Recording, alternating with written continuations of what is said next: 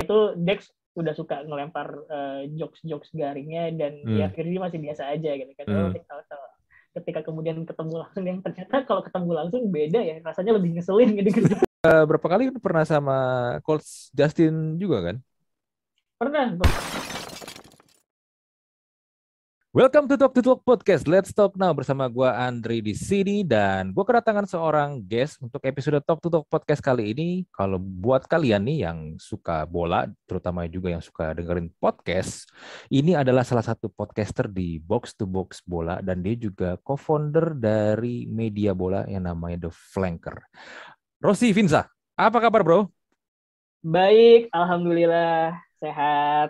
Sehat-sehat ya. Sehat, sehat. Kita recording ini lagi Jakarta lagi hujan besar dan lagi betul, ada betul. banjir di mana-mana. Hmm.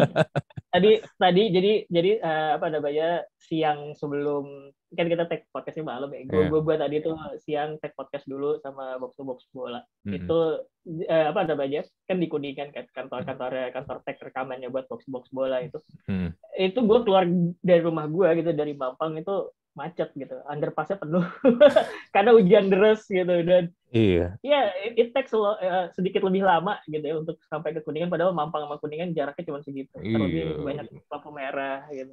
Bener. Dan Kuningan kan masih berantakan ya jalannya ya karena masih yeah. belum kelar itu MRT-nya tuh LRT, LRT-nya masih belum Betul. kelar. Dan di jalur lambatnya ada ada beberapa galian tadi gue lihat. Jadi yang pengen lewat Kuningan uh, take note gitu ya. Kalau hmm. lo ke daerah situ mungkin jalannya bisa sedikit lebih cepat biar nggak kejebak macet dan telat.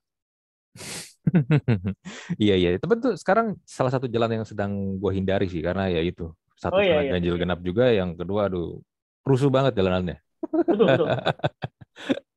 ya anyway, kita mau ngobrol sama Rosi, kita mau yep. gali, kita pengen dengar cerita dia bagaimana awal mulanya dia demen sama bola, lalu sampai sekarang dia ya gue bisa bilang lu salah satu podcaster bola yang inilah ya, yang punya nama lah sekarang di Indonesia. Orang tahu lu kalau hmm, ngomongin hmm. tentang podcaster bola. Nah, Ros, lu berarti awal mulai suka bola tadi kan sebelum kita mulai recording kita sempat hmm. ngobrol ya lu berarti memang pure demen bola itu karena sosok David Beckham gue sengaja nambahin David Beckham di sini tadi nggak ada soalnya Yui, itu itu tadi itu berarti kita kan berarti iya. kita kasih uh. Beckham kan. uh, iya kalau kalau pertama kali ngomongin ngomongin bola sebenarnya sih uh, gue sama kayak kebanyakan anak gitu ya hmm. uh, kesukaan itu turun menurun dari bokap gitu mm -hmm. almarhum bokap gua mm -hmm. uh, dia suka nonton bola di rumah akhirnya kan anaknya anak-anaknya pada ngeliat kan ini apa sih mm -hmm. nontonan apa gitu olahraga mm -hmm. dan segala macam gitu mm -hmm. uh, gua inget uh, euforia Piala Dunia 94 Piala Dunia pertama gue dan kayaknya itu pertama kalinya gue bersinggungan dengan sepak bola gitu uh, Piala Dunia 94 itu hmm. dan bokap gue itu nonton beberapa klub ngikutin hmm. uh, salah satunya Ajax, keduanya Man United, gitu kan tahun 94 itu kalau nggak salah RDVC di, di, disiarin tuh sama, sama stasiun TV TPI gitu. Uh, kita sekarang udah nggak ada TPI.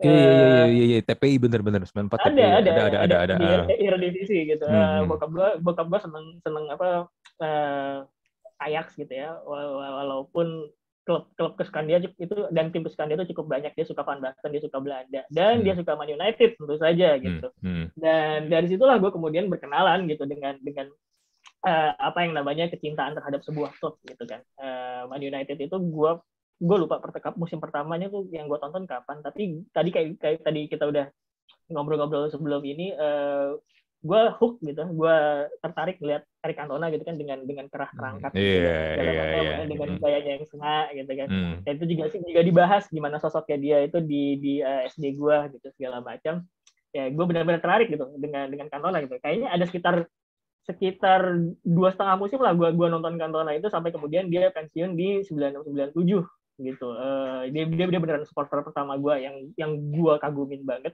Hmm. Sampai kemudian Cantona pensiun nomor 7 itu turun ke David Beckham. David gitu. Beckham. Gitu. Jadi hmm. super ya akhirnya gue sampai sekarang nggak punya kalau lo tanya lu bintang favorit lo siapa sih gitu kan pemain pemain idola lo itu siapa gitu. Hmm. Gue nggak bisa jawab. Gue gue nggak ada gitu. Tapi kalau gue ngelihat masa kecil gue dan gue dita dan gue yang masih kecil itu ditanya gitu ya misalnya hmm. Hmm. Uh, pemain idola lo siapa gue bakal jawab David Beckham. Hmm, iya iya iya. David Beckham itu mungkin ya kalau gue lihat adalah juga salah satu sosok yang sangat krusial untuk memperkenalkan Liga Inggris jadi lebih luas sih. Suka iya, masuk, iya. suka bener, suka ya. Benar-benar. Jadi jadi sebenarnya gue gue memba banyak membaca gitu kan. Jadi hmm, kan hmm. Uh, gue itu menonton Premier League ketika era itu udah udah sampai di tahap apa ya 95 96 gitu kan udah udah udah pertengahan gitu kan. Hmm. Dia kan pertama kali mulai 92 gitu. Nah, yang gue baca sebetulnya ada beberapa superstar awal gitu ya di Premier League. Salah satunya rekannya si Beckham, Ryan Giggs. Iya, yeah, Ryan Giggs. Hmm. Giggs. Ryan Giggs itu di, di, di, dianggap salah satu uh, superstar pertamanya uh, Premier League. Mm-hmm. gitu di, uh, beberapa beberapa tulisan yang gue baca seperti itu sampai kemudian Beckham Beckham membawa level itu ke sesuatu yang lebih tinggi lagi gitu yang sesuatu yang nggak bisa di apa namanya dicapai oleh Giggs gitu dan ada banyak sebenarnya cerita-cerita menarik yang gue baca gitu ya soal hmm. Beckham. Hmm. Uh, salah satu ceritanya itu yang gue dapat itu di ini di kan Class of 90 itu kan dia kan. Hmm. Kelas 92 itu kan angkatannya yeah. di di Man United itu dan uh, dia mereka punya dokumenter gitu video dokumenter yang yang yang gue lupa yang ngedirect siapa tapi itu banyak yang komentar di dalam situ salah satunya Danny Boyle sutradara uh, ternamanya Inggris terus mm-hmm. sampai Tony Blair mantan perdana menteri gitu nah ceritanya Tony Blair itu yang paling gue inget gitu. Jadi uh, kisahnya, jadi si Tony Blair itu katanya kunjungan kenegaraan gitu lah ke sebuah daerah uh, yang cukup rural gitu ya, cukup hmm. terpencil di Jepang hmm. dengan perbedaan bahasa yang signifikan hmm. dan dia harus mendatangi sebuah sekolah gitu kan uh, ini gimana caranya gue connect ke anak-anak ini gitu ya hmm. apalagi gue gak bisa bahasa Jepang kan segala macam gitu sampai kemudian dia menyebut eh kalian tahu Beckham gitu terus semua orang oh iya iya iya hmm. kami tahu Beckham hmm. kami tahu hmm. Beckham gitu kan ya itulah kemudian dia bilang dari situlah kemudian koneksi itu terbangun gitu jadi bayangin sebuah sebuah apa namanya sebuah uh, kunjungan kenegaraan hmm. koneksinya itu terbangun lewat sebuah uh, seorang supporter sepak bola Inggris gitu padahal itu di sebuah daerah terpencil di Jepang gitu itu kasih hmm. unjuk gimana dampak signifikannya Beckham itu untuk image-nya Inggris dan uh, sepak bola Premier League sendiri gitu. Iya, setuju, setuju. Mungkin kalau kita sedikit bergeser ke basket, mungkin kalau dulu zamannya NBA, hmm, hmm, mungkin everyone know Michael Jordan ya. Kalau di bola pas yeah. lagi zaman itu everyone yeah. everyone know David Beckham kan. Hmm, betul betul. Dan sebenarnya ada ada kemiripan antara dua orang itu menurut gue ya. Hmm. Uh, kalau misalkan dua-duanya sama-sama ikon dan sama-sama peka ngejaga brand mereka itu seperti apa gitu. Hmm, hmm. Jadi kan Beckham itu kan bukan cuma seorang atlet kan dia. Dia seorang apa ya namanya orang yang tahu gimana cara ngejual dirinya gitu kan. Bahkan sampai sekarang namanya tuh gua rasa image-nya tuh masih masih gede gitu. Uh, apa namanya? value-nya dia sebagai seorang sebuah sosok gitu yang sekarang udah bukan atlet lagi itu masih hmm. gede value-nya. Hmm. Jordan ketika zaman di NBA menurut gue juga begitu. Gue inget, gue kan mahasiswa marketing communication ya. Jadi gue gue hmm. gue belajar soal branding, soal pemasaran dan segala macam. Gue inget ada sebuah gue lupa majalahnya apa gitu ya, ah, kecil gitulah majalahnya, majalah majalah marketing gitu. Dia bikin liputan khusus itu soal brandingnya Michael Jordan. Bayangin seorang atlet gitu dibahas di sebuah apa namanya di sebuah majalah marketing communication gitu. Hmm. Dan itu cerita semuanya segala macam soal gimana impact Jordan itu nggak cuma buat NBA tapi olahraga basket itu juga sendiri. Gitu. Hmm. Iya, kalau di luar itu memang atlet itu memang ini, apalagi kalau kita lihat Beckham dan Jordan itu satu hmm, mereka hmm. memang ya, skill ada, mereka juga champion, mereka memenangkan banyak iya, kejuaraan, yeah, yeah. tapi mereka juga tahu gimana cara menjual diri mereka supaya brandingnya tuh kuat banget. Betul betul. Tapi kenapa ini nggak bisa diterapin di Indonesia ya? Menurut tuh kenapa ya? Sebenarnya satu aja, sebenarnya hmm. satu. Uh, menurut gua uh, terlepas dari brand lo atau luaran lo kayak apa ya, lo hmm. ngebangun brand lo kayak apa. Hmm. Pada akhirnya satu, satu yang paling penting yang suka orang lupa ketika ngomongin brand, produknya mesti bagus dulu. Hmm. Kalau branding lo semewah apa pun tapi produk lo jelek, hmm. hmm, hmm. ya udah gitu orang bakal ninggalin. Hmm. Itu juga atlet menurut gue kalau branding lo wah tapi main lo jelek ya, ya orang gimana mau suka gitu loh maksud gue. Hmm, Jadi sebelum iya. kita bicara branding ngejual ngejual ngejual diri, ngejual image hmm. gitu ya, itu hmm. yang paling penting ya pertama ya lo perform di lapangan dulu gitu. Hmm. Kalau lo perform di lapangan ya udah luar biasa, konsisten dan segala macam, gue rasa ngejual itu harusnya bisa jadi lebih mudah ya. Hmm. Walaupun mungkin daya tarik tiap atlet itu berbeda-beda gitu. Hmm. hmm. Ya, kalau di Indonesia kan paling badminton lah ya yang bisa kita bilang badminton, punya prestasi ya. Tapi, tapi, tapi maksud gue gini loh, tetap aja di badminton itu ya setelah pensiun ya udah kita lihat lah legend-legendnya badminton kita setelah pensiun ya udah gitu loh, nggak hmm. nggak semewah nggak sewah sampai sekarang yang kalau kita bandingin ya mungkin bandingin terlalu jauh ya tapi let's say hmm. gini lah kayak kemarin Susi Susanti aja pernah dibikinin film biografinya kan tapi ya filmnya ya udah gitu aja gitu loh Hmm, Padahal hmm. is a legend. Dia atlet Indonesia pertama yang meraih medali emas kan. Tapi hmm, hmm. udah gitu doang, gitu doang bro. Maksud gue kenapa nggak nggak bisa sampai awet lama gitu? Tapi kalau kalau menurut gue ya eh, hmm. terlepas mungkin secara gimmick marketing atau brandingnya tidak tidak luar biasa gitu ya, hmm. Eh, atlet-atlet bulu tangkis tuh udah mendapatkan tempat tersendiri di uh, apa namanya mata masyarakat karena kita tahu hmm. bulu tangkis itu legend gitu untuk untuk bisa berhasil di bulu tangkis Indonesia lo harus eksepsional gitu karena hmm, ya hmm. kita kita bicara Indonesia di bulu tangkis kita bicara raksasa dunia gitu sebetulnya kan hmm. makanya ketika lo berhasil di bulu tangkis Indonesia lo udah otomatis diingat walaupun mungkin secara branding atau secara nilai jual ke luar dari luar ranah arena arena bulu tangkis itu hmm. nggak hmm. terlalu gede gitu cuman makanya gue tetap menaruh respect yang sangat-sangat gede gitu terhadap uh, atlet-atlet bulu tangkis uh, Indonesia gitu dan sebenarnya kalau kalau lo kalau lo kalau lo mau mau apa namanya mau gali lebih dalam gitu ya. Hmm. Eh, bulu tangkis itu punya pasar yang cukup niche gitu, yang cukup cukup apa terfokus kalau menurut gue karena hmm. gue gue kayak gue sering-sering cerita ini dan gue lupa apakah gue pernah cerita ini di podcast box box bola apa enggak. Hmm, Tapi gue gue beberapa kali liputan sirkuit nasional ya. Uh, sirkuit nasional itu uh, turnamen-turnamen di tiap-tiap kota gitu dan yang dan yang ikut itu ini apa namanya biasanya klub-klub bukan kayak pelatnas, bukan atlet-atlet pelatnas. Hmm. Nah, sirkuit nasional itu gornya tuh pasti rame gitu. Yang nonton tuh pasti rame. Dan gue menyaksikan sendiri gimana tiap setelah uh, sebuah pertandingan selesai gitu, atlet atlet bulu tangkis turun terus dimintain tanda tangan sama anak-anak SMK sama anak-anak SMA gitu dan mereka tahu itu siapa gitu bukan sekedar asal asal nggak tangan gitu dan hmm. kalau lo zaman dulu kalau misalkan lo lihat tuh forum-forum bulu tangkis itu itu rame pembahasan ini pemain yang upcoming lagi yang lagi mau muncul siapa terus hmm. ketika dia nanti mungkin misalnya masuk ke atas ya orang-orang itu udah tahu oh gue udah ngikutin dia mungkin dari Sirnas gitu kayak gitu gitu loh jadi hmm. marketnya itu sebenarnya cukup kuat untuk untuk untuk untuk bulu tangkis gitu uh, makanya tidak heran uh, tiap kali uh, Indonesia main gitu let's say hmm. di Istora gitu ya hmm. uh, dan euforianya lagi gede itu Istora pasti penuh dan Istora kalau lagi penuh itu berisiknya lo ukur pakai mesin pengukur desibel itu mm-hmm. Istora itu lebih berisik dari mesin mm, itu yeah, yeah, yeah. banget mm-hmm. gitu segitu itu puncaknya di Istora dan gue pernah menyaksikan yang level di bawahnya di Sirnas gitu ya mm. itu juga sama ramenya dan gue gue kagum gitu ngelihat ngelihat apa namanya uh, atlet bulu tangkis yang levelnya masih nasional gitu ya mm. uh, tanding dari kota ke kota gitu dimintain tanda tangan di mixzone sama atlet anak-anak SMP anak-anak SMA karena gue terakhir kali itu nonton kalau saya Sirnas Bali deh gue lupa tahun berapa gitu hmm. dan itu wow gitu menurut gue uh, ini yang mungkin tidak terlalu terpantau gitu ya kalau ngomongin uh, bulu tangkis tuh hmm. gue baru tahu loh yang kayak begini-begini bro itu gue gue gue juga nggak bakal tahu kalau gue nggak hmm. gue hmm. nggak uh, liputan ke lapangan gue nggak sendiri hmm. itu sama sebenarnya kayak lo kalau IBL gitu ya di hmm. tiap-tiap hmm. kota tuh juga punya punya masanya sendiri gitu kalau keliling gitu zaman dulu. Iya iya iya, iya IBL. Jadi sebenarnya mungkin apa ya pinter-pinternya aja kayak kayak uh, kayak ini tuh udah punya market yang masing-masing gimana cara ngelolanya gitu loh. Hmm. Hmm, nge-brandingnya dan segala macam. Benar, benar, benar, benar. nah, eh balik lagi kalau kita ngomong tentang David Beckham ya. Beckham itu kan hmm, boleh hmm. dibilang hmm. namanya naik tuh gara-gara gol dari tengah lapangannya dia ya. Itu namanya yeah, jadi Wimbledon. jadi kenceng banget ya lawan Wimbledon.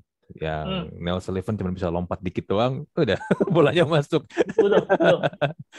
nah tapi setelah itu kan dia naik naik naik. naik. Lu merasa hmm. juga nggak sih? Mungkin karena dia juga salah satu faktornya karena dia pacaran dan akhirnya merit sama Victoria dari Spice hmm, Girl hmm. itu yang sebenarnya bikin nama dia tuh jadi lebih kenceng sih buat di banyak kalangan ya. Hmm. Pertama sebenarnya uh, Beckham tuh punya kombinasi kombinasi menarik menurut gue. Hmm. Satu dia skill punya, dua tampangnya ganteng. Udah itu sebetulnya. Hmm. Itu lo nggak bisa deny itu. Uh, good looks, terus hmm. jago main bola, udah kelar semuanya itu menurut gue hmm. uh, dua dua modal utama buat jadi superstar di atlet superstar gitu dia udah punya duluan gitu hmm. dan hmm. Uh, yang gue baca gitu kan uh, gue banyak dengar kesaksian teman-temannya juga gitu. Gue nonton dia di dokumenter itu di dokumenter Class of 92 itu. Hmm. Jadi Beckham itu sedari muda emang dia emang orangnya kayak kayak tahu punya taste bagus gitu loh. Hmm. Mobil pertamanya hmm. dia yang bonus dari menang gue lupa menang turnamen apa gitu masih muda. Ya hmm. itu kan pemain-pemain muda pada dapat bonus mobil gitu kan. Hmm. Honda.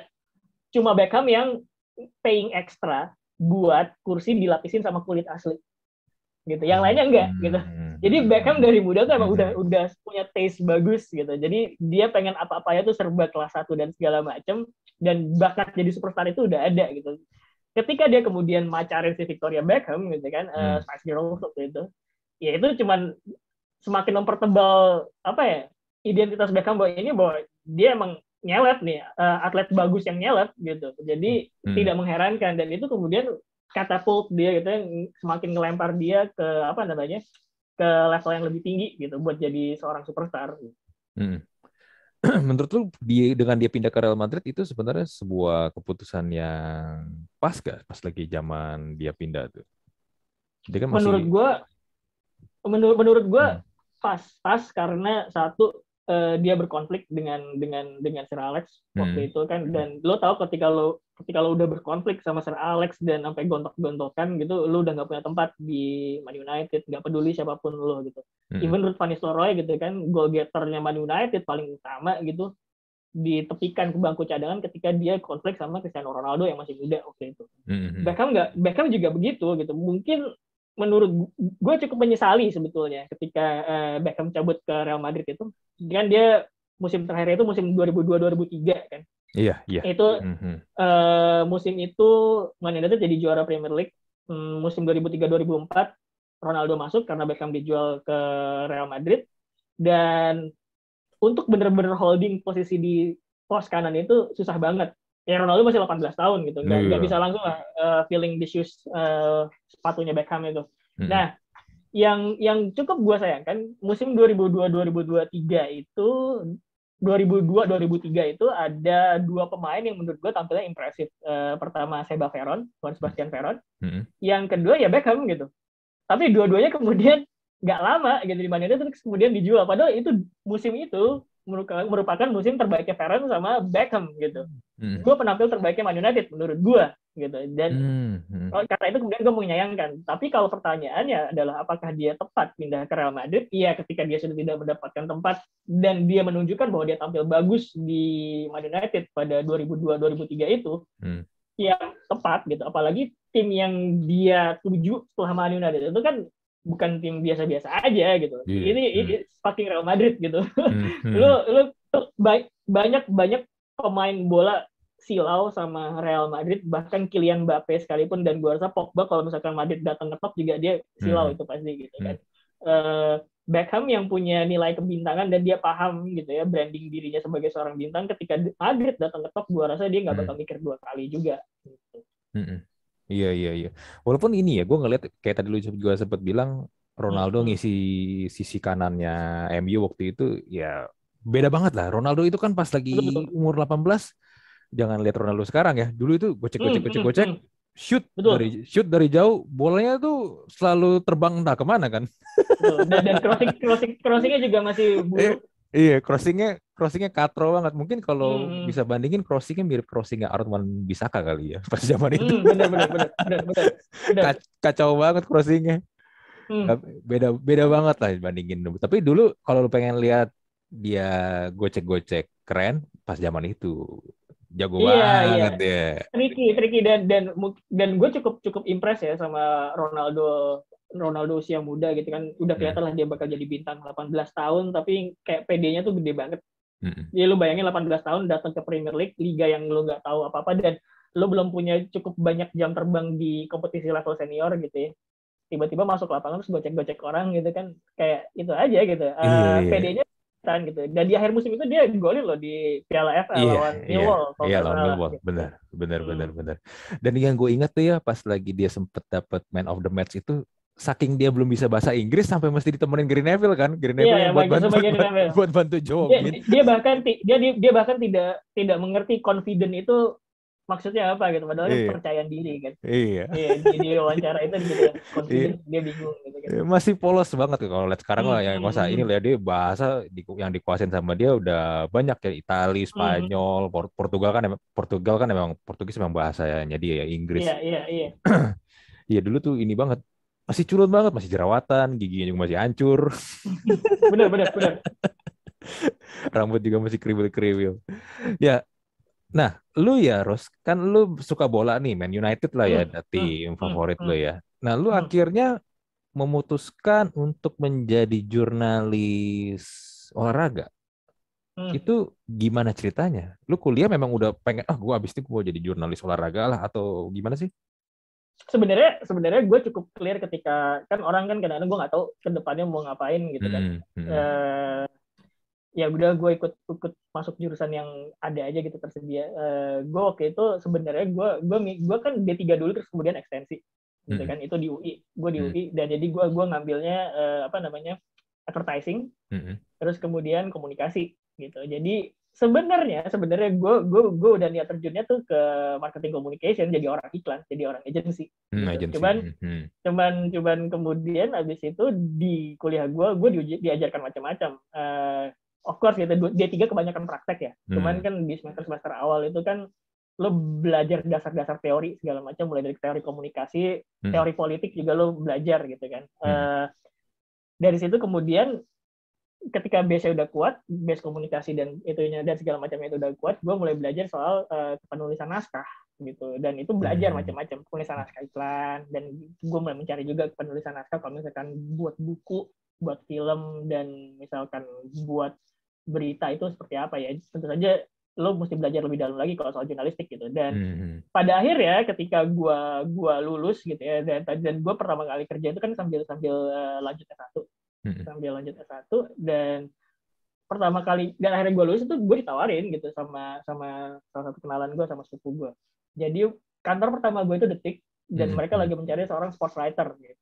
Nah, sports writer itu berarti lo bukan nulis bola doang gitu. Lo MotoGP, bulu tangkis, tinju dan segala macam F1 hmm. MotoGP lo paham juga. Nah, saudara gue itu bilang, lo kan cukup melek ya soal hal kayak gini-gini lo bisa nulis gitu. Hmm eh, kayaknya lo coba ngelamar deh dia bilang gitu akhirnya coba gua gua akhirnya setelah beberapa eh, bulan ngelempar lamaran ke sana sini gitu ya eh, lulus D3 gue coba ngelempar ke detik dan ngirim dan diminta ngirim contoh tulisan gitu segala hmm. macam hmm.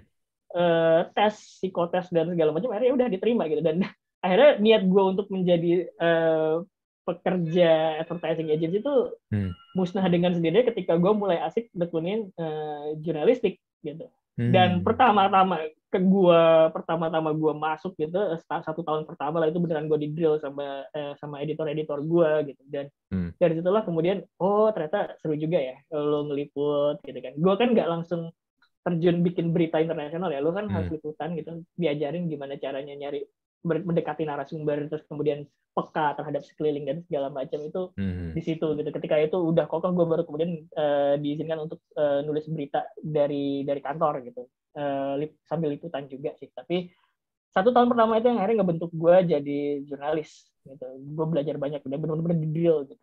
Hmm, lu agak mirip-mirip Virsi ya? Iya iya, Virsi kan hubungan internasional dia kan. Iya, dia, HI. dia, dia malah Dan lebih lebih nggak nyambung. HI juga. Iya, malah dia sebenarnya lebih nggak nyambung dibandingin lu sih sebenarnya kalau dibilang tapi emang gitu banyak dan, dan setahu gue gue nggak hmm. tahu tapi lo bisa tanya Firzi gitu ya hmm. angkat hmm. gue angkatan angkatan angkatan kerjanya kan sama ya gue dua gue masuk uh, akhir 2007 dia 2008 kalau nggak salah kan angkatan kami kan masuk media tuh sebetulnya sama hmm. dan teman-teman teman-teman gue teman-teman Firzi gitu Firzi di bola itu suka liputan bareng gitu loh dan gue hmm. tahu gitu teman-teman hmm. Itu banyak yang lulusan kriminologi atau mana gitu hmm. hmm iya. gitu, gitu loh maksud gue jadi uh, emang emang sebenarnya bagus kalau misalkan lo kuliah jurnalistik gitu ya uh, berarti kan lo punya bekal yang hmm. lebih apa namanya lebih lebih lebih dalam gitu ya hmm. sebelum akhirnya terjun ke media walaupun jelas apa yang lo hadapi di kuliah dan apa yang lo hadapi di dunia kerja itu bisa sangat-sangat beda gitu. Hmm. cuman balik lagi bukan jurnalisme itu bukan sesuatu yang nggak bisa dipelajari gitu loh maksud gue gitu. Bahkan ya kalau kalau di bola yang gue tahu di di zamannya Firzi itu kan lo nggak mudah dapat inisial kan. Nama lo tertera di apa namanya di bagian bawah di bawah berita itu kan hmm. tidak mudah. Lo kan harus dididik sebagai calon wartawan dulu gitu Nah, setahun jadi calon wartawan itu bener-bener di drill. Sama kayak di gue gitu juga. Satu gue masih kontributor. Selama gue jadi kontributor, lu di drill dulu tuh. Gimana caranya nyari berita, gimana caranya nulis kayak gitu gitu. Hmm, hmm, hmm. hmm. Nah, lu berarti selama di Detik liputan pernah ke event-event luar gak? Luar negeri, internasional gitu? Oh, pernah, pernah, pernah. Uh, eh, gue tidak pernah ke event internasional gede gitu ya, kayak Piala hmm. Dunia atau Piala Eropa tuh gue belum pernah gitu. Ya. Hmm. Uh, tapi kalau ngomongin event internasional gitu, keluar negeri pernah. F1, Formula One beberapa kali pernah. MotoGP gue ke Asen pernah. Hmm. Uh, sepak bola Premier League pernah. Tinju nemenin Daud Jordan uh, tarung di Australia juga pernah. Ya, ya gitulah. Jadi hmm. uh, alhamdulillah gue dapat cukup banyak kesempatan gitu uh, liputan uh, mungkin keluar negerinya bonus ya tapi kalau gue ngeliat ke belakang sekarang kayak iya gue dapat pengalaman dapat banyak cerita sih dapat ketemu oh oh di situasi negara orang tuh kayak begini hmm. oh kotanya seperti itu gitu loh jadi gue dapat sesuatu yang menarik gitu sepanjang pengalaman gue Hmm. Banyak orang yang ngomong begini, oh jadi wartawan, misalnya wartawan bola atau wartawan olahraga enak ya, bisa ngeliput ke luar negeri, bisa nonton hmm. Liga Inggris segala macam. Betul betul. Menurut lu bener gak itu enak? Enak, enak serius enak. Uh, tapi tentu saja untuk mendapatkan kesempatan itu hmm. agak susah ya. Tergantung tergantung editor lo sebenarnya. Uh, hmm. editor lo ngelihat ini siapa yang cocok yang jalan. Itu udah pasti kayak begitu. Hmm. uh, apa namanya dia bakal ngeliat ada liputan ini kira-kira siapa yang cocok yang jalan? Atau emang nunggu giliran aja hmm. gitu. Uh, sebenarnya nggak harus keluar negeri juga. Lu liputan nasional tuh juga seru menurut gue gue sebelum liputan luar negeri ya liputan nasional dulu. Gue ke Malang hmm. liputan IBL kayak tadi kemudian Sirnas gitu kan uh, liputan liputan di Bali dan beberapa kota terus gue pernah juga liputan uh, kejuaraan junior juga beberapa gitu ya yang guide sponsor sebetulnya hmm. uh, terus kemudian rally nasional gue juga pernah liputan pertama di Kalimantan dan itu ngerasain gimana caranya dalam satu kota tuh gue balik papan kok nggak salah itu sampai uh, dari satu tempat ke tempat lain itu gue harus naik ferry gitu ya menarik banget gitu kan sebetulnya nggak lo nggak harus keluar negeri untuk menemukan sesuatu hmm. yang menarik hmm. sebetulnya gitu uh, ke mana pun lo pergi kalau lo peka gitu lihat sekeliling lo kiri kanan sebenarnya lo bisa menemukan sesuatu yang hmm. menarik hmm. gitu walaupun mungkin jam kerjanya dikejar-kejar deadline-nya itu oh, nggak tentu tapi lu tetap enjoy gitu untuk menjalani iya oh jelas oh jelas uh, ada perbedaan gue kan online kan uh, hmm. beda sama Firzi yang cetak gitu kan hmm. uh, yang cetak dulu gitu ya gue hmm. gue sering banget gitu ya liputan di GBK tanding malam uh, udah mau jam 12-an mungkin udah tenggat buat naik buat kirim tulisan buat naik cetak gitu ya ke hmm. mesin print gitu. Hmm. gue nggak tahu ya mungkin ntar ya anak-anak koran bisa tapi gue bisa ngeliat sendiri gimana mereka hmm. deg-degan gitu kalau udah hmm. tanding malam konvers belum mulai aduh gue harus gue harus ngirim tulisan nih ke hmm. kantor dan segala macam gitu sementara kalau media online kan sebenarnya tenggatnya tuh lebih lebih nyekek lagi gitu uh, hmm. zaman gue tuh beneran beneran ketika misalnya gue bikin laporan pertandingan gitu ya hmm. ketika pertandingan selesai gue udah harus ngirim ke ke kantor buat diedit dan buat dinaikkan gitu itu itu uh, lebih nyekek lagi dan sebetulnya kayak karena detik itu kan dia kan ini ya berita cepat gitu kan. Mm-hmm. Ketika gue ada di lapangan, ketika ada sebuah event selesai, gue udah harus ngirim berita gitu. Jadi sebelum sebelum gue turun ke sebuah event gitu ya minimal gue harus riset dulu ini soal apa sih isunya gitu kira-kira siapa yang bakal datang dan segala macem gitu. Jadi dari situ tuh gue udah dapet bayangan gue bakal nulis apa yang angle gimana hmm. atau apa yang bakal gue tanyain ketika konvers misalnya kayak seperti itu. Jadi dengan kayak gitu gue bisa menghemat waktu untuk menulis gitu. Jadi nggak begitu semuanya kalau gue bingung gue nulis apa ya nggak gitu juga gitu. Hmm. jadi uh, peliputan di lapangan itu bahkan sudah dimulai dari rumah gitu Uh, hmm. mungkin bahkan sehari sebelum sehari sebelum apa namanya sehari sebelum uh, liputan karena setahu gue ya di di media online di desk apa pun gitu ya ada banyak editor kok yang sudah mencanangkan besok lo liputan ke sini ya besok lo liputan ke sini gitu buat reporter-reporternya dan dari situ sebenarnya udah pada bisa nyiapin tuh uh, riset-riset dikit apa yang bakal mereka hadapin atau isunya seperti apa gitu walaupun hmm. banyak juga reporter yang misalnya emang stay gitu di let's say wartawan politik stay di KPK hmm. gitu dan segala macam eh, wartawan kriminologi stay di Polres dan di Polda gitu ya dan mungkin kalau wartawan olahraga ya stay-nya di Kemenpora atau di kantor PSSI gitu itu udah udah ngejagain dan biasanya editor udah ngecanangin ya kita hmm. bakal ngejar isu ini gitu jadi dari situ kan sebenarnya udah bisa bisa riset duluan gitu sebelum jalan turun ke lapangan buat buat nyari nyari berita gitu. Hmm, hmm, hmm, hmm. Ya, jadi memang sebenarnya persiapan, preparation, riset itu memang penting lah ya. Iya iya iya. Dan, dan, dan menurut gue itu sesuatu yang harusnya udah jadi sealami bernafas gitu ya kalau kalau hmm. buat uh, wartawan gitu kan. Uh, wartawan itu kan nulis ya, uh, outputnya nulis gitu kan. Hmm. Uh, bahkan ketika mungkin wartawan wart sekarang banyak media gitu sekarang punya channel YouTube gitu kan. Mm-hmm. Outputnya itu kan video, tapi kan video kan biasanya tiga tiga naskah kan. Lo harus yeah. menulis naskah gitu. Nah, mm-hmm. uh, gimana cerita lo bisa menulis kalau lo tidak membaca gitu? Karena kan membaca kan kayak membuat lo punya database yang penuh gitu di kepala lo gitu ya. Mm-hmm. Jadi lo bisa menulis gitu. Dan karena karena membaca itu harusnya jadi sebuah kebiasaan gitu ya. Sebelum lo menulis, jadi men riset dan dan ngecek ngecek sebelum lo turun itu tuh harusnya emang udah alami aja gitu. Hmm, hmm, bener bener bener. Ya sama juga kalau kita lagi ngepodcast, kalau mau bahas sesuatu topik atau kayak gue gini, iya, ngundang betul, ngundang betul. orang yang mau nggak mau harus riset dulu. Gue juga harus, gue juga betul, sebelum betul. ini gue gue riset dulu. Hmm, hmm.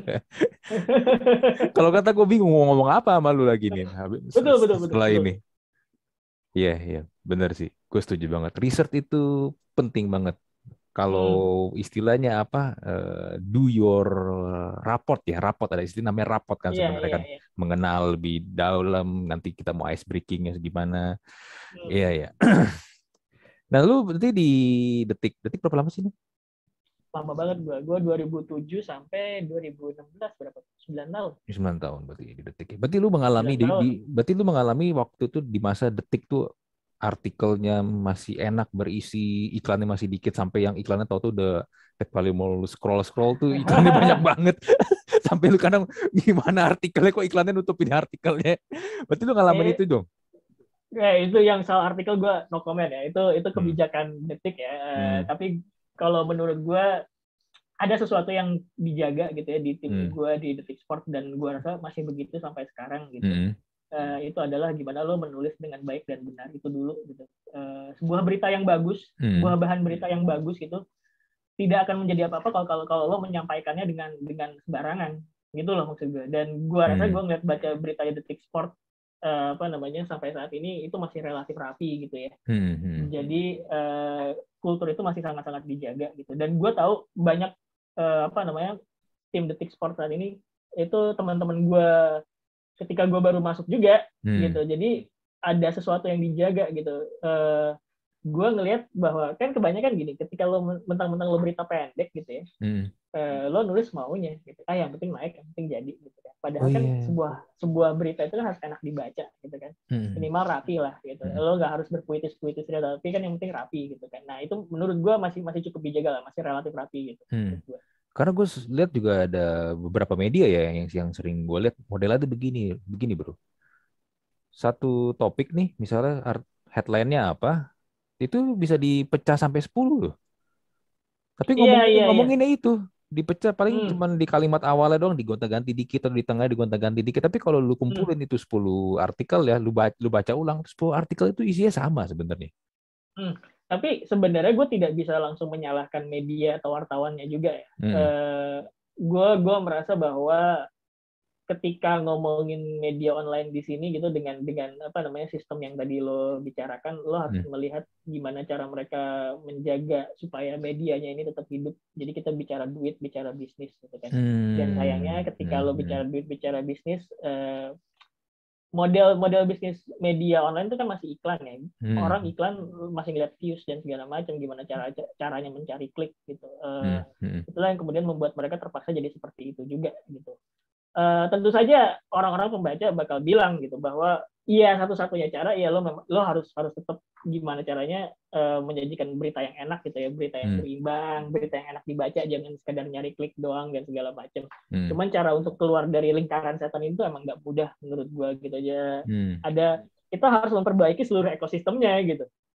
gimana cara media mencari duit itu harus harus diperbaiki juga gitu ketika ketika media udah mulai apa namanya mulai membuat sebuah berita yang bagus tapi hmm. kemudian hmm. pembaca di luar sana masih banyak yang seneng apa namanya wah nyari nyari sesuatu yang dalam tanda kutip sampah gitu kan mm-hmm. ini sama aja bohong gitu jadi semuanya harus saling harus saling mendukung gitu medianya harus menyajikan berita yang bagus dan pembacanya juga harus mulai dewasa gitu tapi kan mendewasakan pembaca itu kan bukan sesuatu yang bisa terjadi dalam satu malam gitu mm-hmm. butuh proses panjang gitu nah dalam proses panjang itu media kan juga harus berpikir gimana caranya gue hidup dan segala macam gitu dan kemudian jadi terjadilah yang kayak lo bilang bilang tadi itu bahwa kok sampai berklik-klik panjang. Gue juga tidak setuju dengan praktek seperti itu ya. Mm-hmm. Cuman gue memahami juga kenapa itu terjadi. Itu gue tidak bisa langsung blaming medianya atau wartawannya mm-hmm. atau editornya mm-hmm. dan segala macam.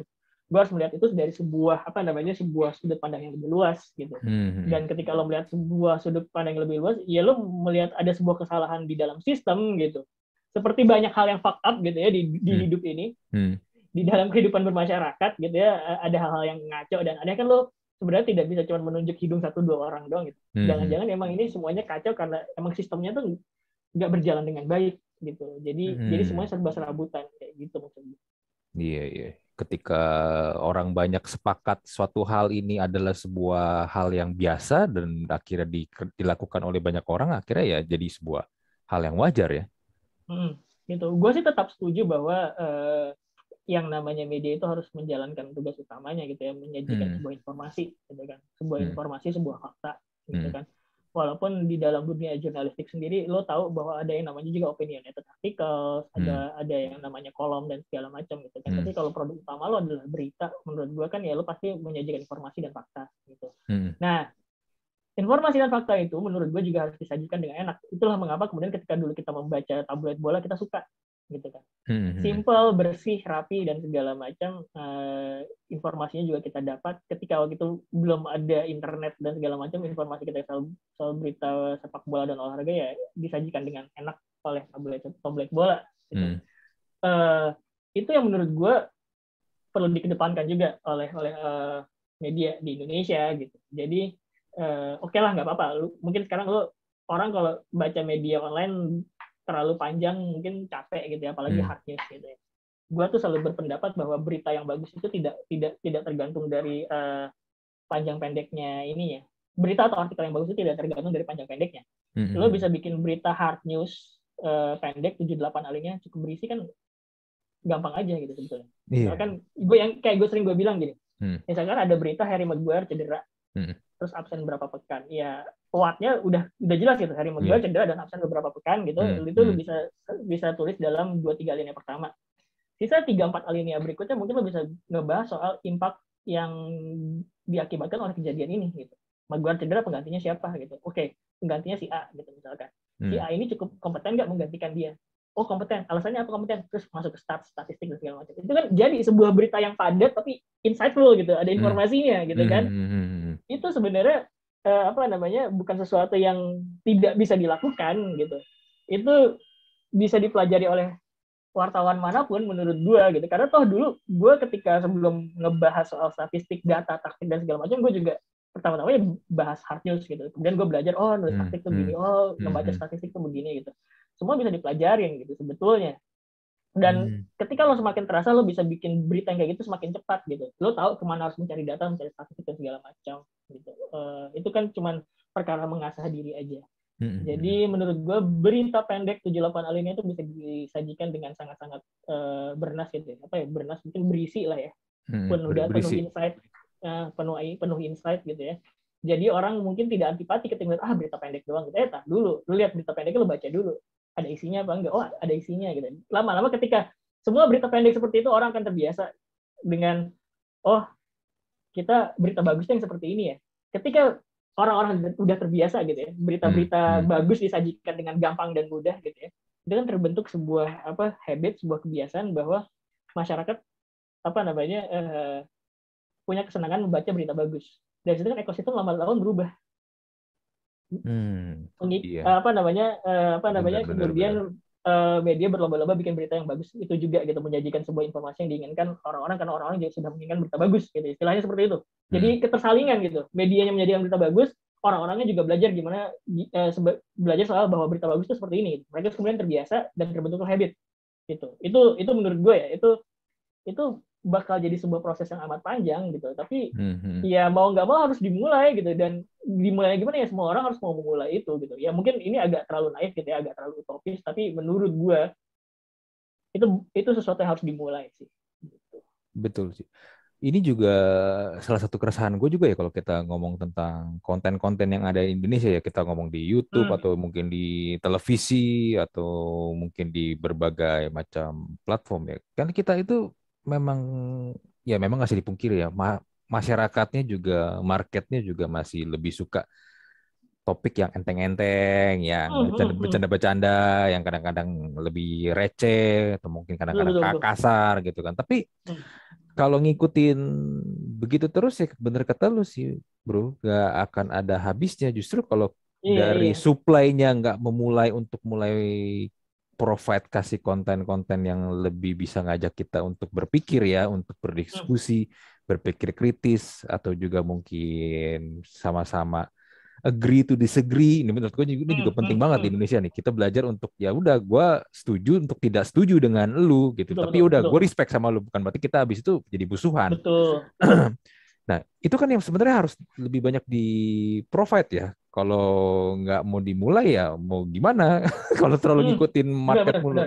gue gue hmm. sering gue juga selalu gini gue gue juga sering ditanya gitu kenapa lu milih podcast lebih juga topiknya kayak yang yang bukan untuk masyarakat pada umumnya? Gitu. Karena gue bilang hmm. udah yang kayak masyarakat pada umumnya itu udah terlalu banyak. Dan gue juga gue hmm. pasti kalah. Karena kenapa? Kebanyakan yang ngisi dan yang bikin konten itu adalah public figure artis selebriti. Gue pasti kalah kalau gue bermain di situ iya iya iya bener lu mencari kolam lo sendiri mencari audiens lo sendiri betul Iya, ya walaupun mungkin audiensnya nggak sebanyak mereka ya, tapi at least hmm. ya kayak lu bilang juga tadi, kalau nggak ada yang mau mulai, yang mau mulai cuman satu orang doang, ya kok kan at least kalau udah mulai muncul muncul muncul muncul itu kan kalau itu jadi tren dan ternyata itu berhasil, it works. Iya. Ya orang kan juga pasti akan mulai ngikutin kan. Itu betul, betul. Gitu loh. Jadi uh, apa ya?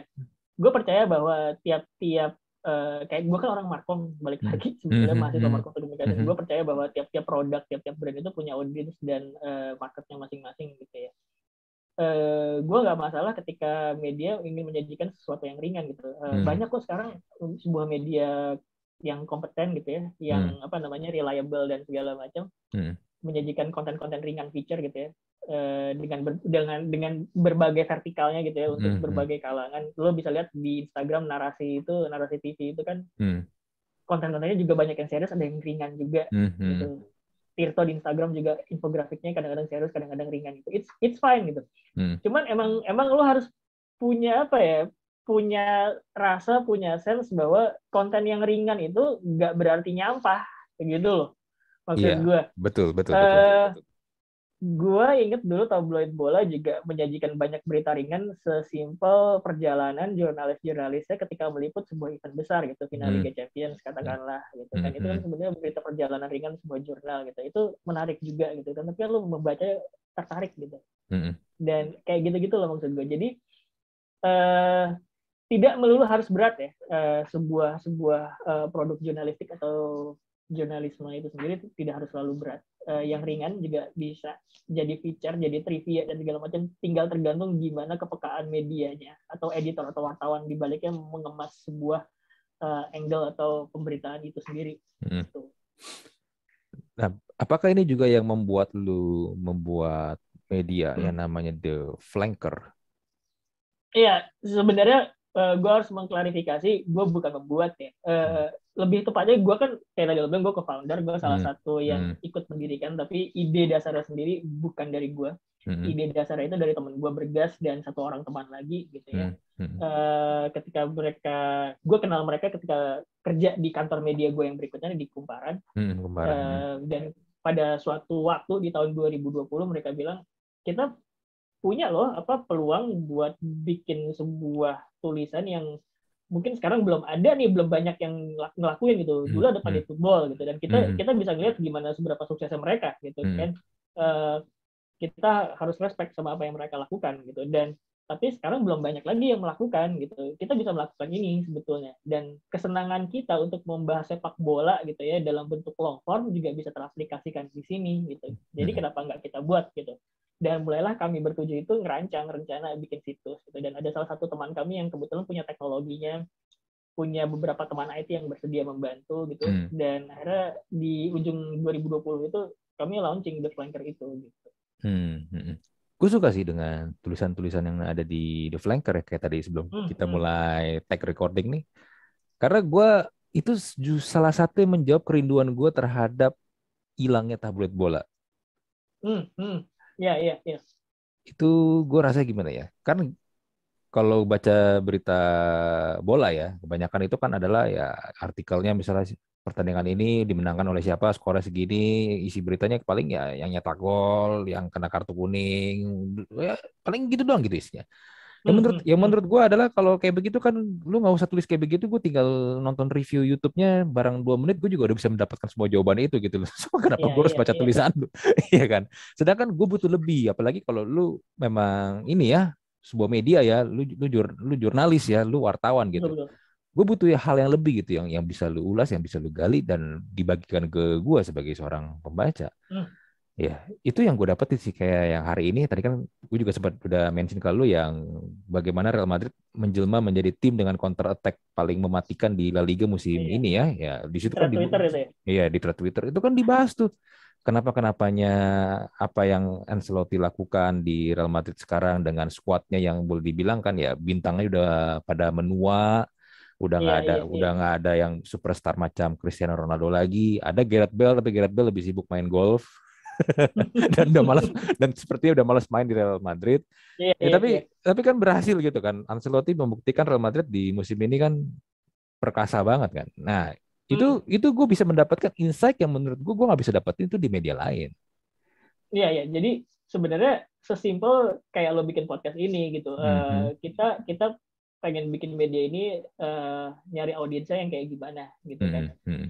Kolam kolam sebelah udah terlalu rame ya udah kita pindah kita bikin kolam kita sendiri kita ngejar ikan-ikan kita sendiri gitu hmm. dari hmm. pembaca kita sendiri yang mungkin sama-sama suka dengan tulisan semacam long form ada bahasan soal taktik, mm-hmm. bahasan soal kultur, soal budaya, soal sejarah, gitu kan, dicampur jadi satu. Yang mana tulisan taktiknya juga nggak cuma sekedar menceritain data, tapi juga menceritain profil si pemain atau si sebuah tim itu, gitu. Dan alhamdulillah ternyata uh, responsnya sejauh ini bagus ya. Uh, udah mau masuk tahun kedua nih kita di dari hmm. kan udah di 2022 2021 kemarin satu tahun hmm. uh, alhamdulillah responsif responsnya positif dan rame juga ternyata yang suka tulisan uh, seperti itu banyak jadi gue berterima hmm. kasih juga kepada para pembacanya The Flanker gitu hmm.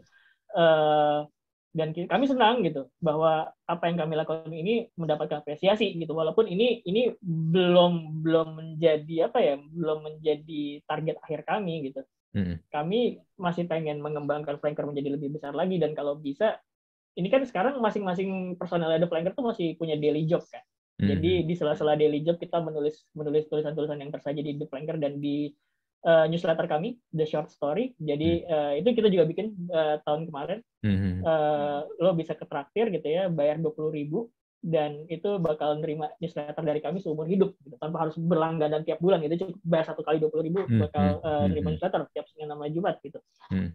uh, responsnya juga lumayan lumayan lumayan lumayan rame gitu. Dan ya karena itu kami berterima kasih. Dan kami senang alhamdulillah bahwa ternyata apa yang kami lakukan ini uh, mendapatkan apresiasi gitu. Tentu saja gue gua gua sebagai orang yang pernah kerja di media gitu ya hmm, di hmm. detik dan kumparan gue tidak tidak pernah berniat untuk mengecilkan kerja-kerja teman-teman wartawan yang ada di media online mainstream hmm, gitu hmm. kan. Karena gue tahu apa yang mereka lakukan itu kerja keras banget hmm. gitu. Even harus duduk di kantor mencari berita itu mereka cukup cukup punya inilah cukup punya uh, apa namanya kayak semacam hmm, tekanan tersendiri mungkin ya. Hmm, hmm. Uh, Press, ada pressure ya dari ada, ada, atasan ada, juga segala macam betul, ya. Hmm. Gue tidak tidak akan pernah uh, men, apa ya disrespecting mereka gitu ya. Gue tetap hormat sama mereka. Uh, yang gue lakukan adalah cuman menambah di dimensi baru gitu. Gue dan teman-teman gue di Flanker lakukan adalah hmm. menambah dimensi baru dari sebuah uh, perkontenan sepak bola gitu loh. Hmm. Menurut gue mungkin lo masih bisa kayak tadi gue bilang berita hardnews itu masih penting tinggal gimana cara menyajiinnya aja mm-hmm. gitu mm-hmm. yang gue dan gue dan teman-teman gue yang lakukan adalah cuma menambah dimensi baru ya udah lo main di situ gue main di sini gitu kita sama-sama mm-hmm. lo di konten sepak bola dan segala macam gitu mm-hmm. uh, gue cuma nambah dimensi baru itu dan kebetulan kan, kan kalau ngomongin uh, perkontenan sepak bola tidak harus melulu lo ke situs baca berita gitu di YouTube lo lo lihat Tifo Football itu mm-hmm. channelnya Tifo Football udah menjelaskan taktik dengan enak dengan grafik yang bagus banget gitu kan. Mm-hmm. kan tidak harus baca berita itu lo harus bisa ke YouTube lo sekarang juga udah punya banyak media yang main di media sosial dan uh, ngasih insight-insight yang beragam gitu. Jadi mm-hmm. gue gue dan flanker itu mainnya di situ gitu. Apakah media mainstream masih penting? Menurut gue masih penting gitu. Kan mm. yang paling yang paling gampang bersinggungan dengan masa kan media mainstream gitu.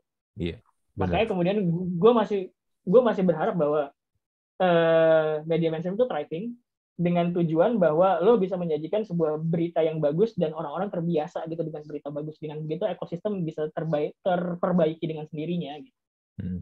Betul betul betul betul. Setuju sih gue. Nah, lu juga selain nulis kan lu juga sekarang jadi podcaster ya di Box to Box yeah, yeah. bola. Lu bola. juga lu juga writer juga, lu juga bikin skrip, bikin konten juga di hmm. di sana kan. Lalu ceritanya gimana bisa sampai akhirnya join Box to Box? Jadi eh, gue kelar gitu di di Kumparan 2020 hmm. yeah. dan kemudian gue freelance sampai kemudian gue ditawarin sama temen gue Dex uh, head of content gue mm-hmm. dan uh, salah satu podcaster, salah satu editor juga di Box to Box Bola mm-hmm. sama Rana yang sekarang jadi CEO-nya eh, Box to Box. Mm-hmm. Uh, ya lu lu kan udah lama nih kenal sama kita ya udah lu tertarik gak bergabung buat buat jadi podcaster dan juga sebagai writer editor gitu. Mm-hmm. Dan kebetulan waktu itu Dex lagi butuh ini, lagi butuh uh, tambahan tenaga dan karena gue seneng gitu ya sama hmm. sama gayanya box to box itu ya udah akhirnya gue hmm. bergabung hmm. sesederhana itu sebetulnya gitu hmm. dan tentu saja ranah ranah podcast itu ranah yang baru ya buat hmm. gue kan karena biasanya gue outputnya itu outputnya itu tulisan gitu kan hmm. di situs hmm. even di flanker pun di situs gitu kan uh, ini outputnya adalah pembicaraan di dalam bentuk audio gitu nah hmm. itu gue belajar juga tuh gimana caranya menjaga kecakapan dan segala macam jadi uh, yang gue lakukan adalah uh, ketika misalkan gue lagi nyetir nih gue hmm. lagi nyetir biasanya kan gue nyetir tuh dengerin musik kan gue nyetel hmm. uh, hmm. gue pasang bluetooth terus kemudian gue setel Spotify gitu kan gue setel playlist gue gitu. hmm. nah ketika gue udah mulai uh, rutin gitu ya jadi jadi uh, podcaster gitu udah gabung sama box to box yang gue lakukan adalah gue nyetar radio gitu sambil nyetir gue sambil sambil sambil nyerap gitu orang tuh bercakap-cakap kayak gimana sih sebetulnya gitu walaupun ada perbedaan ya antara gaya radio dan gaya podcast hmm. ada beda cuman sebagai gue yang cukup awam tuh gue belajar gitu gimana cara nyerap orang bercakap-cakap tuh seperti apa gitu. Ketika gue kuping gue mulai terbiasa dengan cara orang bercakap-cakap, gue gue merasa bahwa oh gue gue makin lancar ketika ngomong di podcast gitu. Dan tentu saja uh, gue punya tanggung jawab nulis skrip buat podcast dan mm-hmm. itu kan cara caranya beda ya dengan dengan apa namanya dengan nulis artikel gitu ya, mm-hmm. atau nulis berita. Itu beneran kayak bahan-bahan yang bisa kita bahas ini ini ini, ini insight-nya bla bla bla bla datanya apa apa aja statistiknya apa apa aja gitu. hmm, dan hmm. itu kita tektokan sama hostnya biasanya kayak gitu iya iya iya gue tuh kan dengerin podcast tuh udah sebenarnya zaman sebelum podcast itu lagi yang kayak sekarang kan udah rame ya hmm. orang mulai sebagai hmm. sejak 2020 orang berlomba-lomba juga pengen ada pengen bikin podcast gue udah dengerin hmm. podcast tuh dari zaman ya, pas Jorogen masih inilah masih ada di YouTube Iya iya iya iya. iya Joe Rogan masih ada di YouTube, belum eksklusif benar, Spotify benar. ya. Gue tuh hmm. juga sering nonton, sering dengerin dia kan. Lu kalau lihat Joe Rogan itu kan kalau satu episode bisa sampai tiga jam ya. Iya iya. Bisa lama banget dia bisa maintain percakapan conversation sama guestnya itu bisa lama banget. Gue liatin hmm. dia, dia tuh gimana gitu. Ya, gue tahu dia pasti riset kan sama terhadap guestnya kan. Kalau nggak nggak mungkin hmm. dia bisa punya topik obrolan sebanyak itu. Tapi yang gue lihat hmm. dari dia adalah ya dia berusaha menempatkan diri dia bukan sebagai seorang interviewer sih, bukan sebagai sebagai hmm. orang yang interview, hmm. sebagai seorang teman yang lagi membuka obrolan aja, makanya yang hmm. dia hmm. ajak ngobrol ya udah akhirnya jadi santai juga, vibe-nya juga sambil ya kayak lu di coffee shop lah. Iya iya iya iya. Ya. Walaupun Jorogen gue lihat dia punya kontroversi juga kan sebetulnya banyak yeah. yang tidak suka cara dia membawakan yeah. acara dan segala macam. Hmm. Iya, tapi di iya, situ gue gue gue belajar gitu. Gue gue lihat dia, oh ternyata bisa ya membangun percakapan, lu menggali orang. Ya kan tadi kan kita tadi sempat singgung tentang rapor. Lalu bagaimana hmm. kalau topiknya di satu obrolan ini udah mulai habis, kita bagaimana istilahnya itu kalau di podcast tuh di audio itu namanya segue. Kita pindah ke topik ke topik yang lain yang kita coba biar obrolannya itu terus lanjut terus lanjut. Hmm. Ya di situ gue juga ya akhirnya oh gini tuh caranya. Ternyata beda ya dengan lu talk show di TV ya. Talk show di TV kan iya, itu iya, iya. approach-nya beda lagi. Iya, hmm, beda lagi tuh. Nah, apalagi kalau kayak gini kan unscript ya. Kita kan nggak pakai script hmm. nih, Bro. Iya kan? betul, betul. Tapi ya kita ternyata bisa gitu. Uh, ada caranya yang bisa dilakukan dan itu gue juga belajar banyak juga dari dia di situ dan juga beberapa podcaster-podcaster lain lah yang ya, Nah, tapi yang gue lihat di, kalau di box to box bola juga memang sebenarnya basically walaupun lu juga ada bahan, lu ada statistik, lu ada data, tapi basically sebenarnya lu lu orang ini kan ngobrol juga kan, Bro. Betul, betul, betul. Jadi uh, script itu cuma jadi kayak semacam koridor gitu. Mm -hmm. Habis bahas ini, bahas ini, kalau mm. mau bahas ini catatannya ini, ini, kalau mau bahas mm. ini catatannya ini, ini datanya mm. ini, statistiknya mm. segala macam gitu. Jadi uh, buat bahan obrolan sebetulnya mm. script itu. Mm -hmm. Tapi gimana obrolan mengalir itu ada yang namanya host dan yeah, host kalau yeah. misalkan di basket itu kan point guard gitu kan. Mm -hmm. Kalau di sepak bola playmaker gitu. Dia mm. yang playmaking. Yeah. Dia yang ngebawa yeah. arah percakapan ini ke mana gue bakal nanya ini ke siapa dan dia yang reading the room. Wah ini mm. kayak pembahasannya lagi menarik nih, lagi mm. lagi asik. Gue stay mm. di sini dulu deh, jangan pindah ke bahasan lain. Dan mm. mungkin gue akan nambah pertanyaan ini. Kayak gitu loh. Mm. So uh, sebuah podcast bakal lebih menarik kalau punya host yang cerdas menurut gue. Sama mm. kayak sebuah tim basket atau tim bola kalau lo punya point guard atau playmaker jago kan ya biasanya kan kelihatan lebih enak lah mainnya gitu. Bener-bener lebih rapi, lebih enak dilihat ya. Hmm, hmm, betul betul betul. Nah, kalau lu nih, kan gue juga sering dengerin ini ya box to box bola ya. Hmm, hmm. Lu gimana sih rasanya kalau ketika lu lagi podcast, lu ngelihat atau lu ngedengerin jokesnya dari Dex tuh yang kadang-kadang garing gitu? gue gue tuh temenan sama Dex sebetulnya udah lebih lama dari gue kenal dia di apa namanya di box to box gitu kan karena kan gue detik kerja sama sama Pandit dan dia di Pandit gitu kan jadi mm-hmm.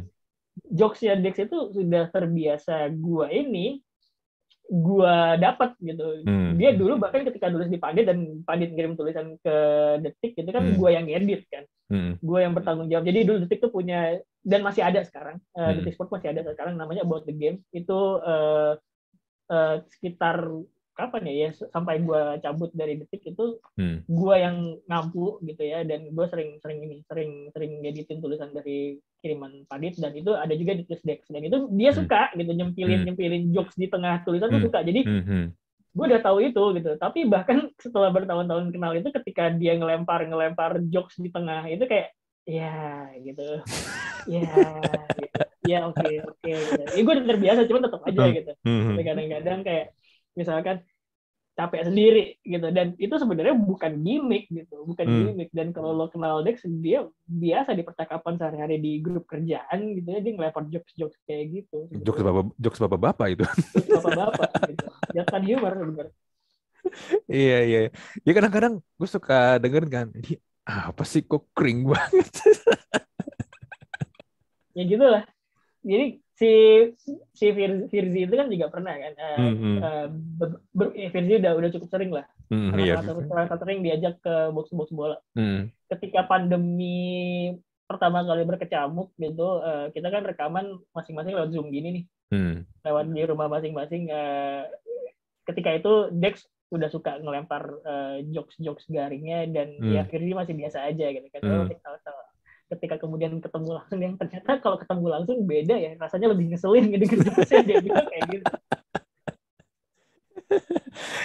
Yeah, karena kalau iya. berinteraksi langsung kan uh, dinamikanya beda begitu dengan dengan dengan ngobrol di zoom gitu iya yeah, benar-benar. Emosinya beda vibe-nya hmm. beda. Iya iya iya. Benar-benar setuju gue nah berarti lu juga berapa kali pernah sama coach Justin juga kan pernah pernah beberapa nah. kali gue uh, tandem dan di apa namanya di beberapa kesempatan itu hmm. gue sebenarnya ngobrol enak sama dia hmm. dan hmm. gue nggak tahu ya terlepas dari mungkin banyak orang yang bilang ah dia segala macam pandangannya miring menurut gue hmm. dia, dia orang yang asik kok menurut gue gue hmm. kan ketemu dia nggak cuma di podcast doang gitu ketika hmm. podcast kelar yuk temenin ngerokok yuk gitu kan yuk turun dulu yuk gitu kan segala macam hmm, ngobrol-ngobrol gitu dan hmm. orangnya cerdas asik gitu dan hmm. gue tidak punya masalah dengan dia terlepas mungkin kalau di podcast gue tidak setuju gitu hmm. dengan pendapatnya dia segala macam gitu. hmm.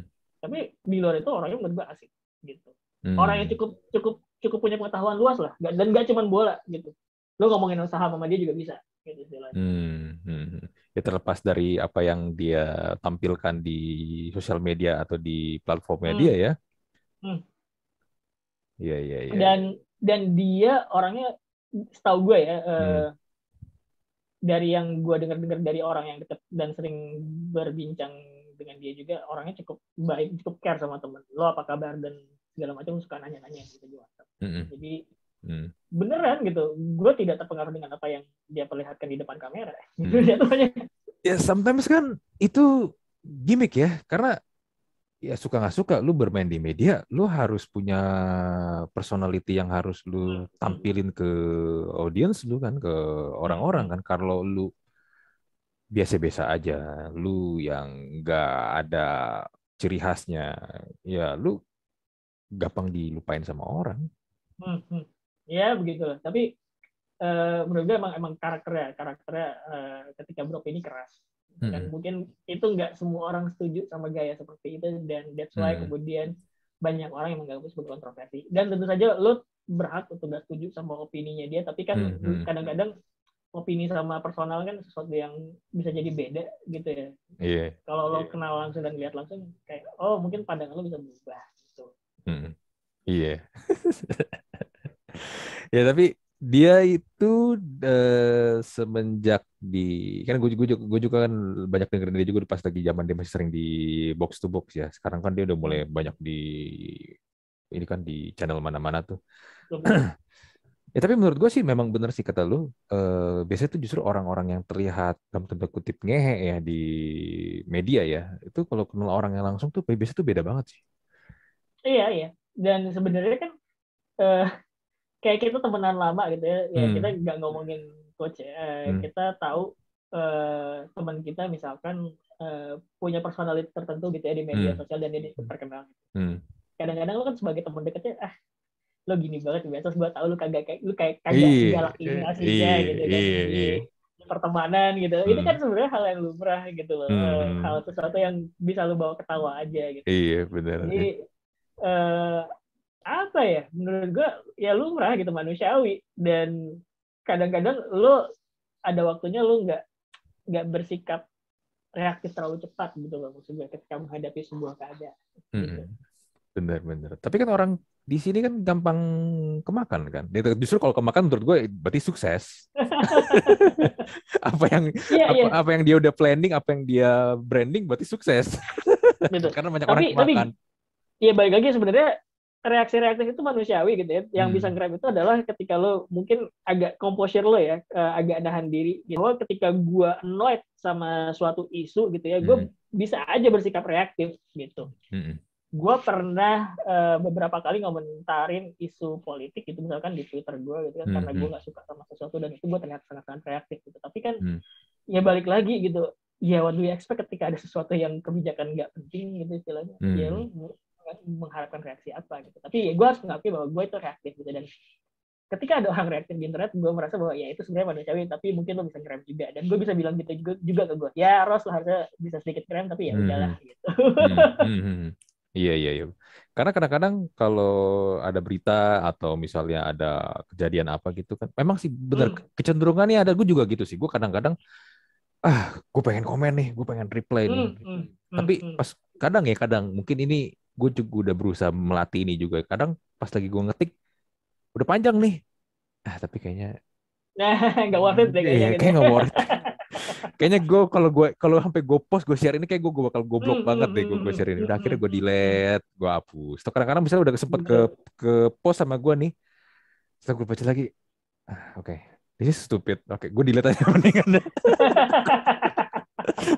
iya benar itu remnya ada di diri kita juga gitu kan kayaknya nggak worth it hmm. ya udahlah nggak usah jangan hmm. iya iya ya seru sih Ros. Uh, gue ngelihat lu sebagai seseorang yang memang suka sama hmm. sepak bola, lu akhirnya terjun di dunia bola juga ya walaupun nggak langsung hmm. jadi nggak jadi pemain bolanya atau mungkin di klub bola atau di tim bola tapi kan lu masih berhubungan dengan bola ya bola, dan betul, betul. sesuai dengan ya, orang sering ngomong dulu kan passion atau whatever itu tapi ya lu hmm. ngerjain hmm. sesuai dengan apa yang lu suka ya this hmm. is your passion kan dan lu jadinya enjoy ya, benar, kan benar. ngejalanin betul, ya kan betul betul uh, dan gue sebenarnya kan dulu juga juga ini main bola kan hmm. walaupun skill gue nggak sebegitunya gitu tapi jadi gue cukup senang sih ketika gue dapet kerjaan di sepak bola walaupun hmm. walaupun ya yang, yang ketika gue jadi jurnalis bola gue ngumpul sama temen gue gitu ya kadang-kadang mereka suka nanyain gitu eh ini menurut lo bakal siapa yang menang? Menurut lo rumor ini gimana gitu?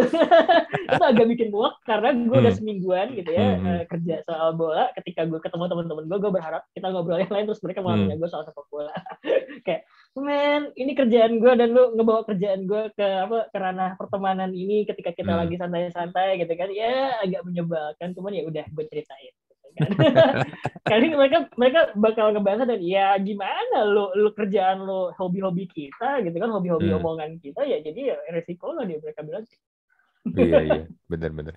Oke ini ini terakhir nih sebelum hmm. lo close karena lu penggemar hmm. Manchester United gue pengen nanya pendapat lu Manchester United sekarang bakal bisa survive gak? Survive apa nih? ya survive melewati musim ini at least dapet trofi atau setidaknya eh, enggak sekarang ini kan ancur-ancuran ya.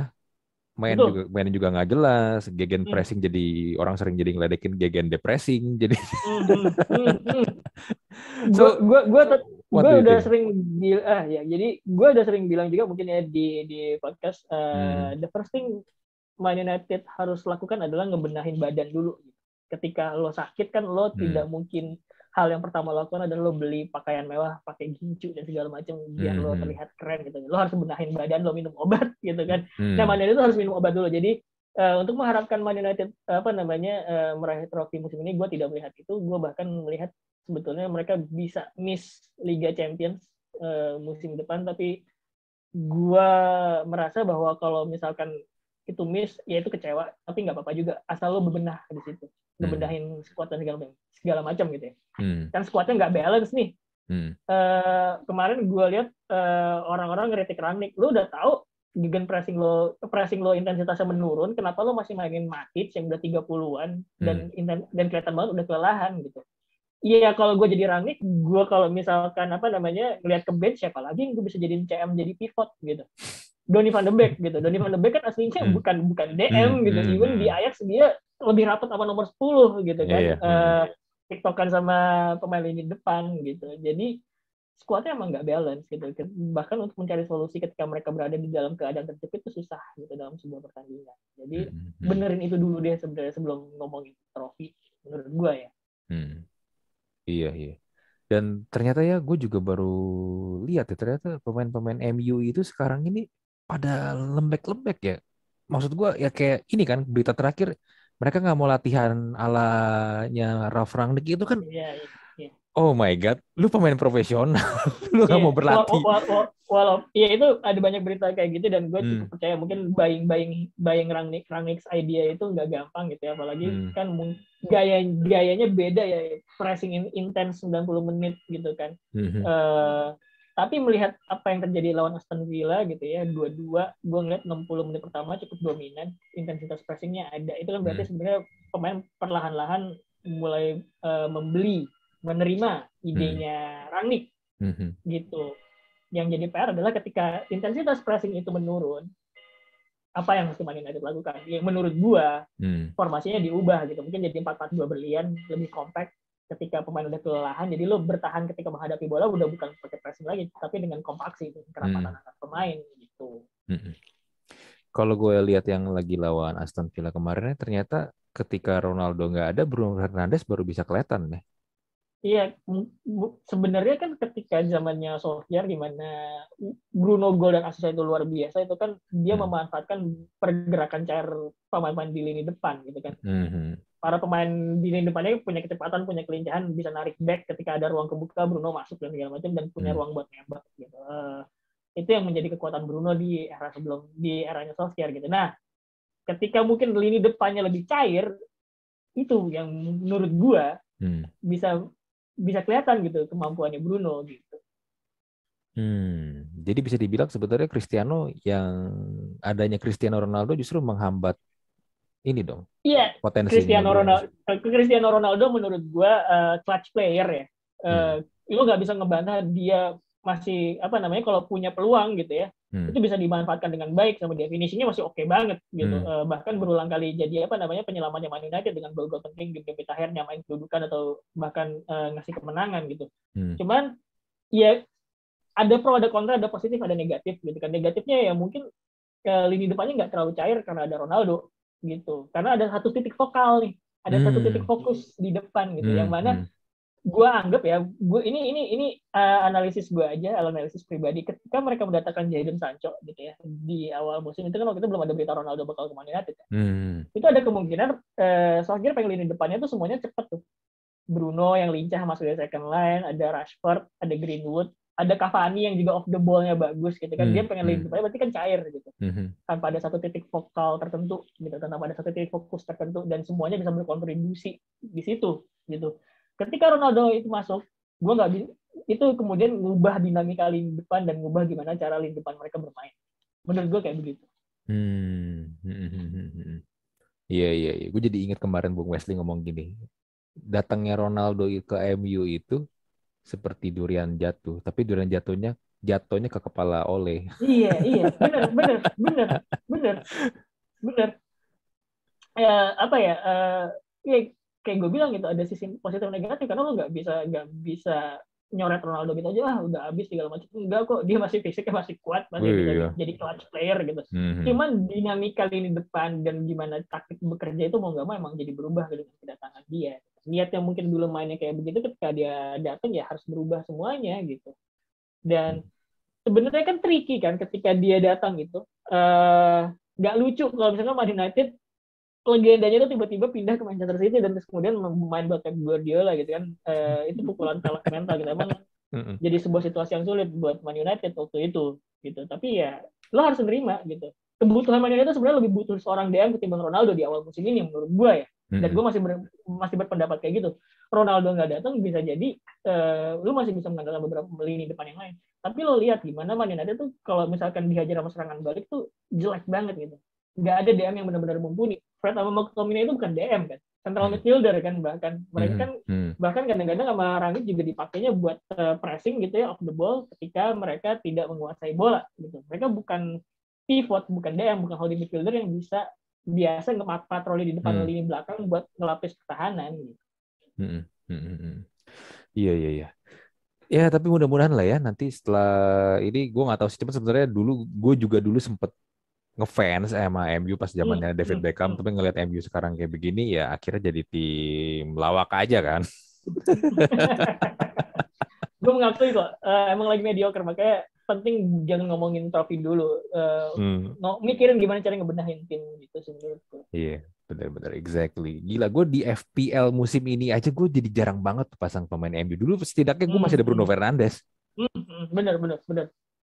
Walaupun gue nggak main FPL ya gue berkali-kali diajak Virgi gue bilang gue gak mau oh, gue harus... gak peka sama deadline lewat dulu dulu gue main iya apalagi musim ini sering banget pertandingan di pertandingan tunda di iya. cancel di cancel gue hmm. udah nyusun nyusun wah pokoknya ini nih ya buat minggu ini ya buat week ini anjir ini di cancel Aduh, itu tuh. Beberapa bikin... jam gitu sebelum pertandingan gitu. Ya, iya, ya, iya, itu itu kan yang bikin semua plan lu jadi berantakan kan di minggu itu kan. Iya, iya. Iya, iya, benar, benar, benar. Ya, kayak yang di minggu ini nih, yang pas lagi kita recording ini kan harusnya ada beberapa tim main dua kali kan.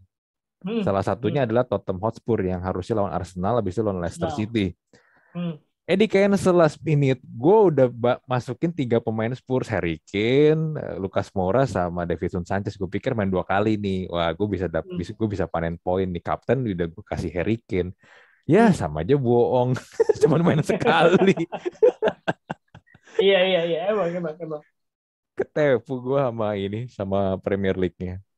But anyway ya bro. Gua seneng ngobrol sama lu. Uh, sama, sama, sama, sama. Ini dari obrolan lu ini, gua, ini juga membuktikan kalau lu memang jurnalis yang keren banget. Lu ketika membahas MU, lu bisa kasih juga point of view, lu bisa kasih insight yang jauh lebih deep, yang gak cuman hanya bilang, oh ya MU tuh punya Ronaldo gini, gini, gini, gini. Ya, hmm. tapi lu lu membuktikan memang lu lu punya banyak data, lu punya lu banyak baca, lu emang ya dengan tulisan-tulisan lu, lu memang membuktikan kalau ya you are good journalist dan dan gue it's an honor for me bisa ngobrol sama lo.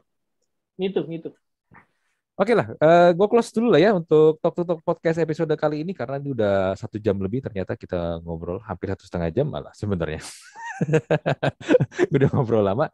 Gue Andri dan Rosi Vinsa mohon pamit kita jumpa lagi di Talk to Talk podcast episode berikutnya. Bye.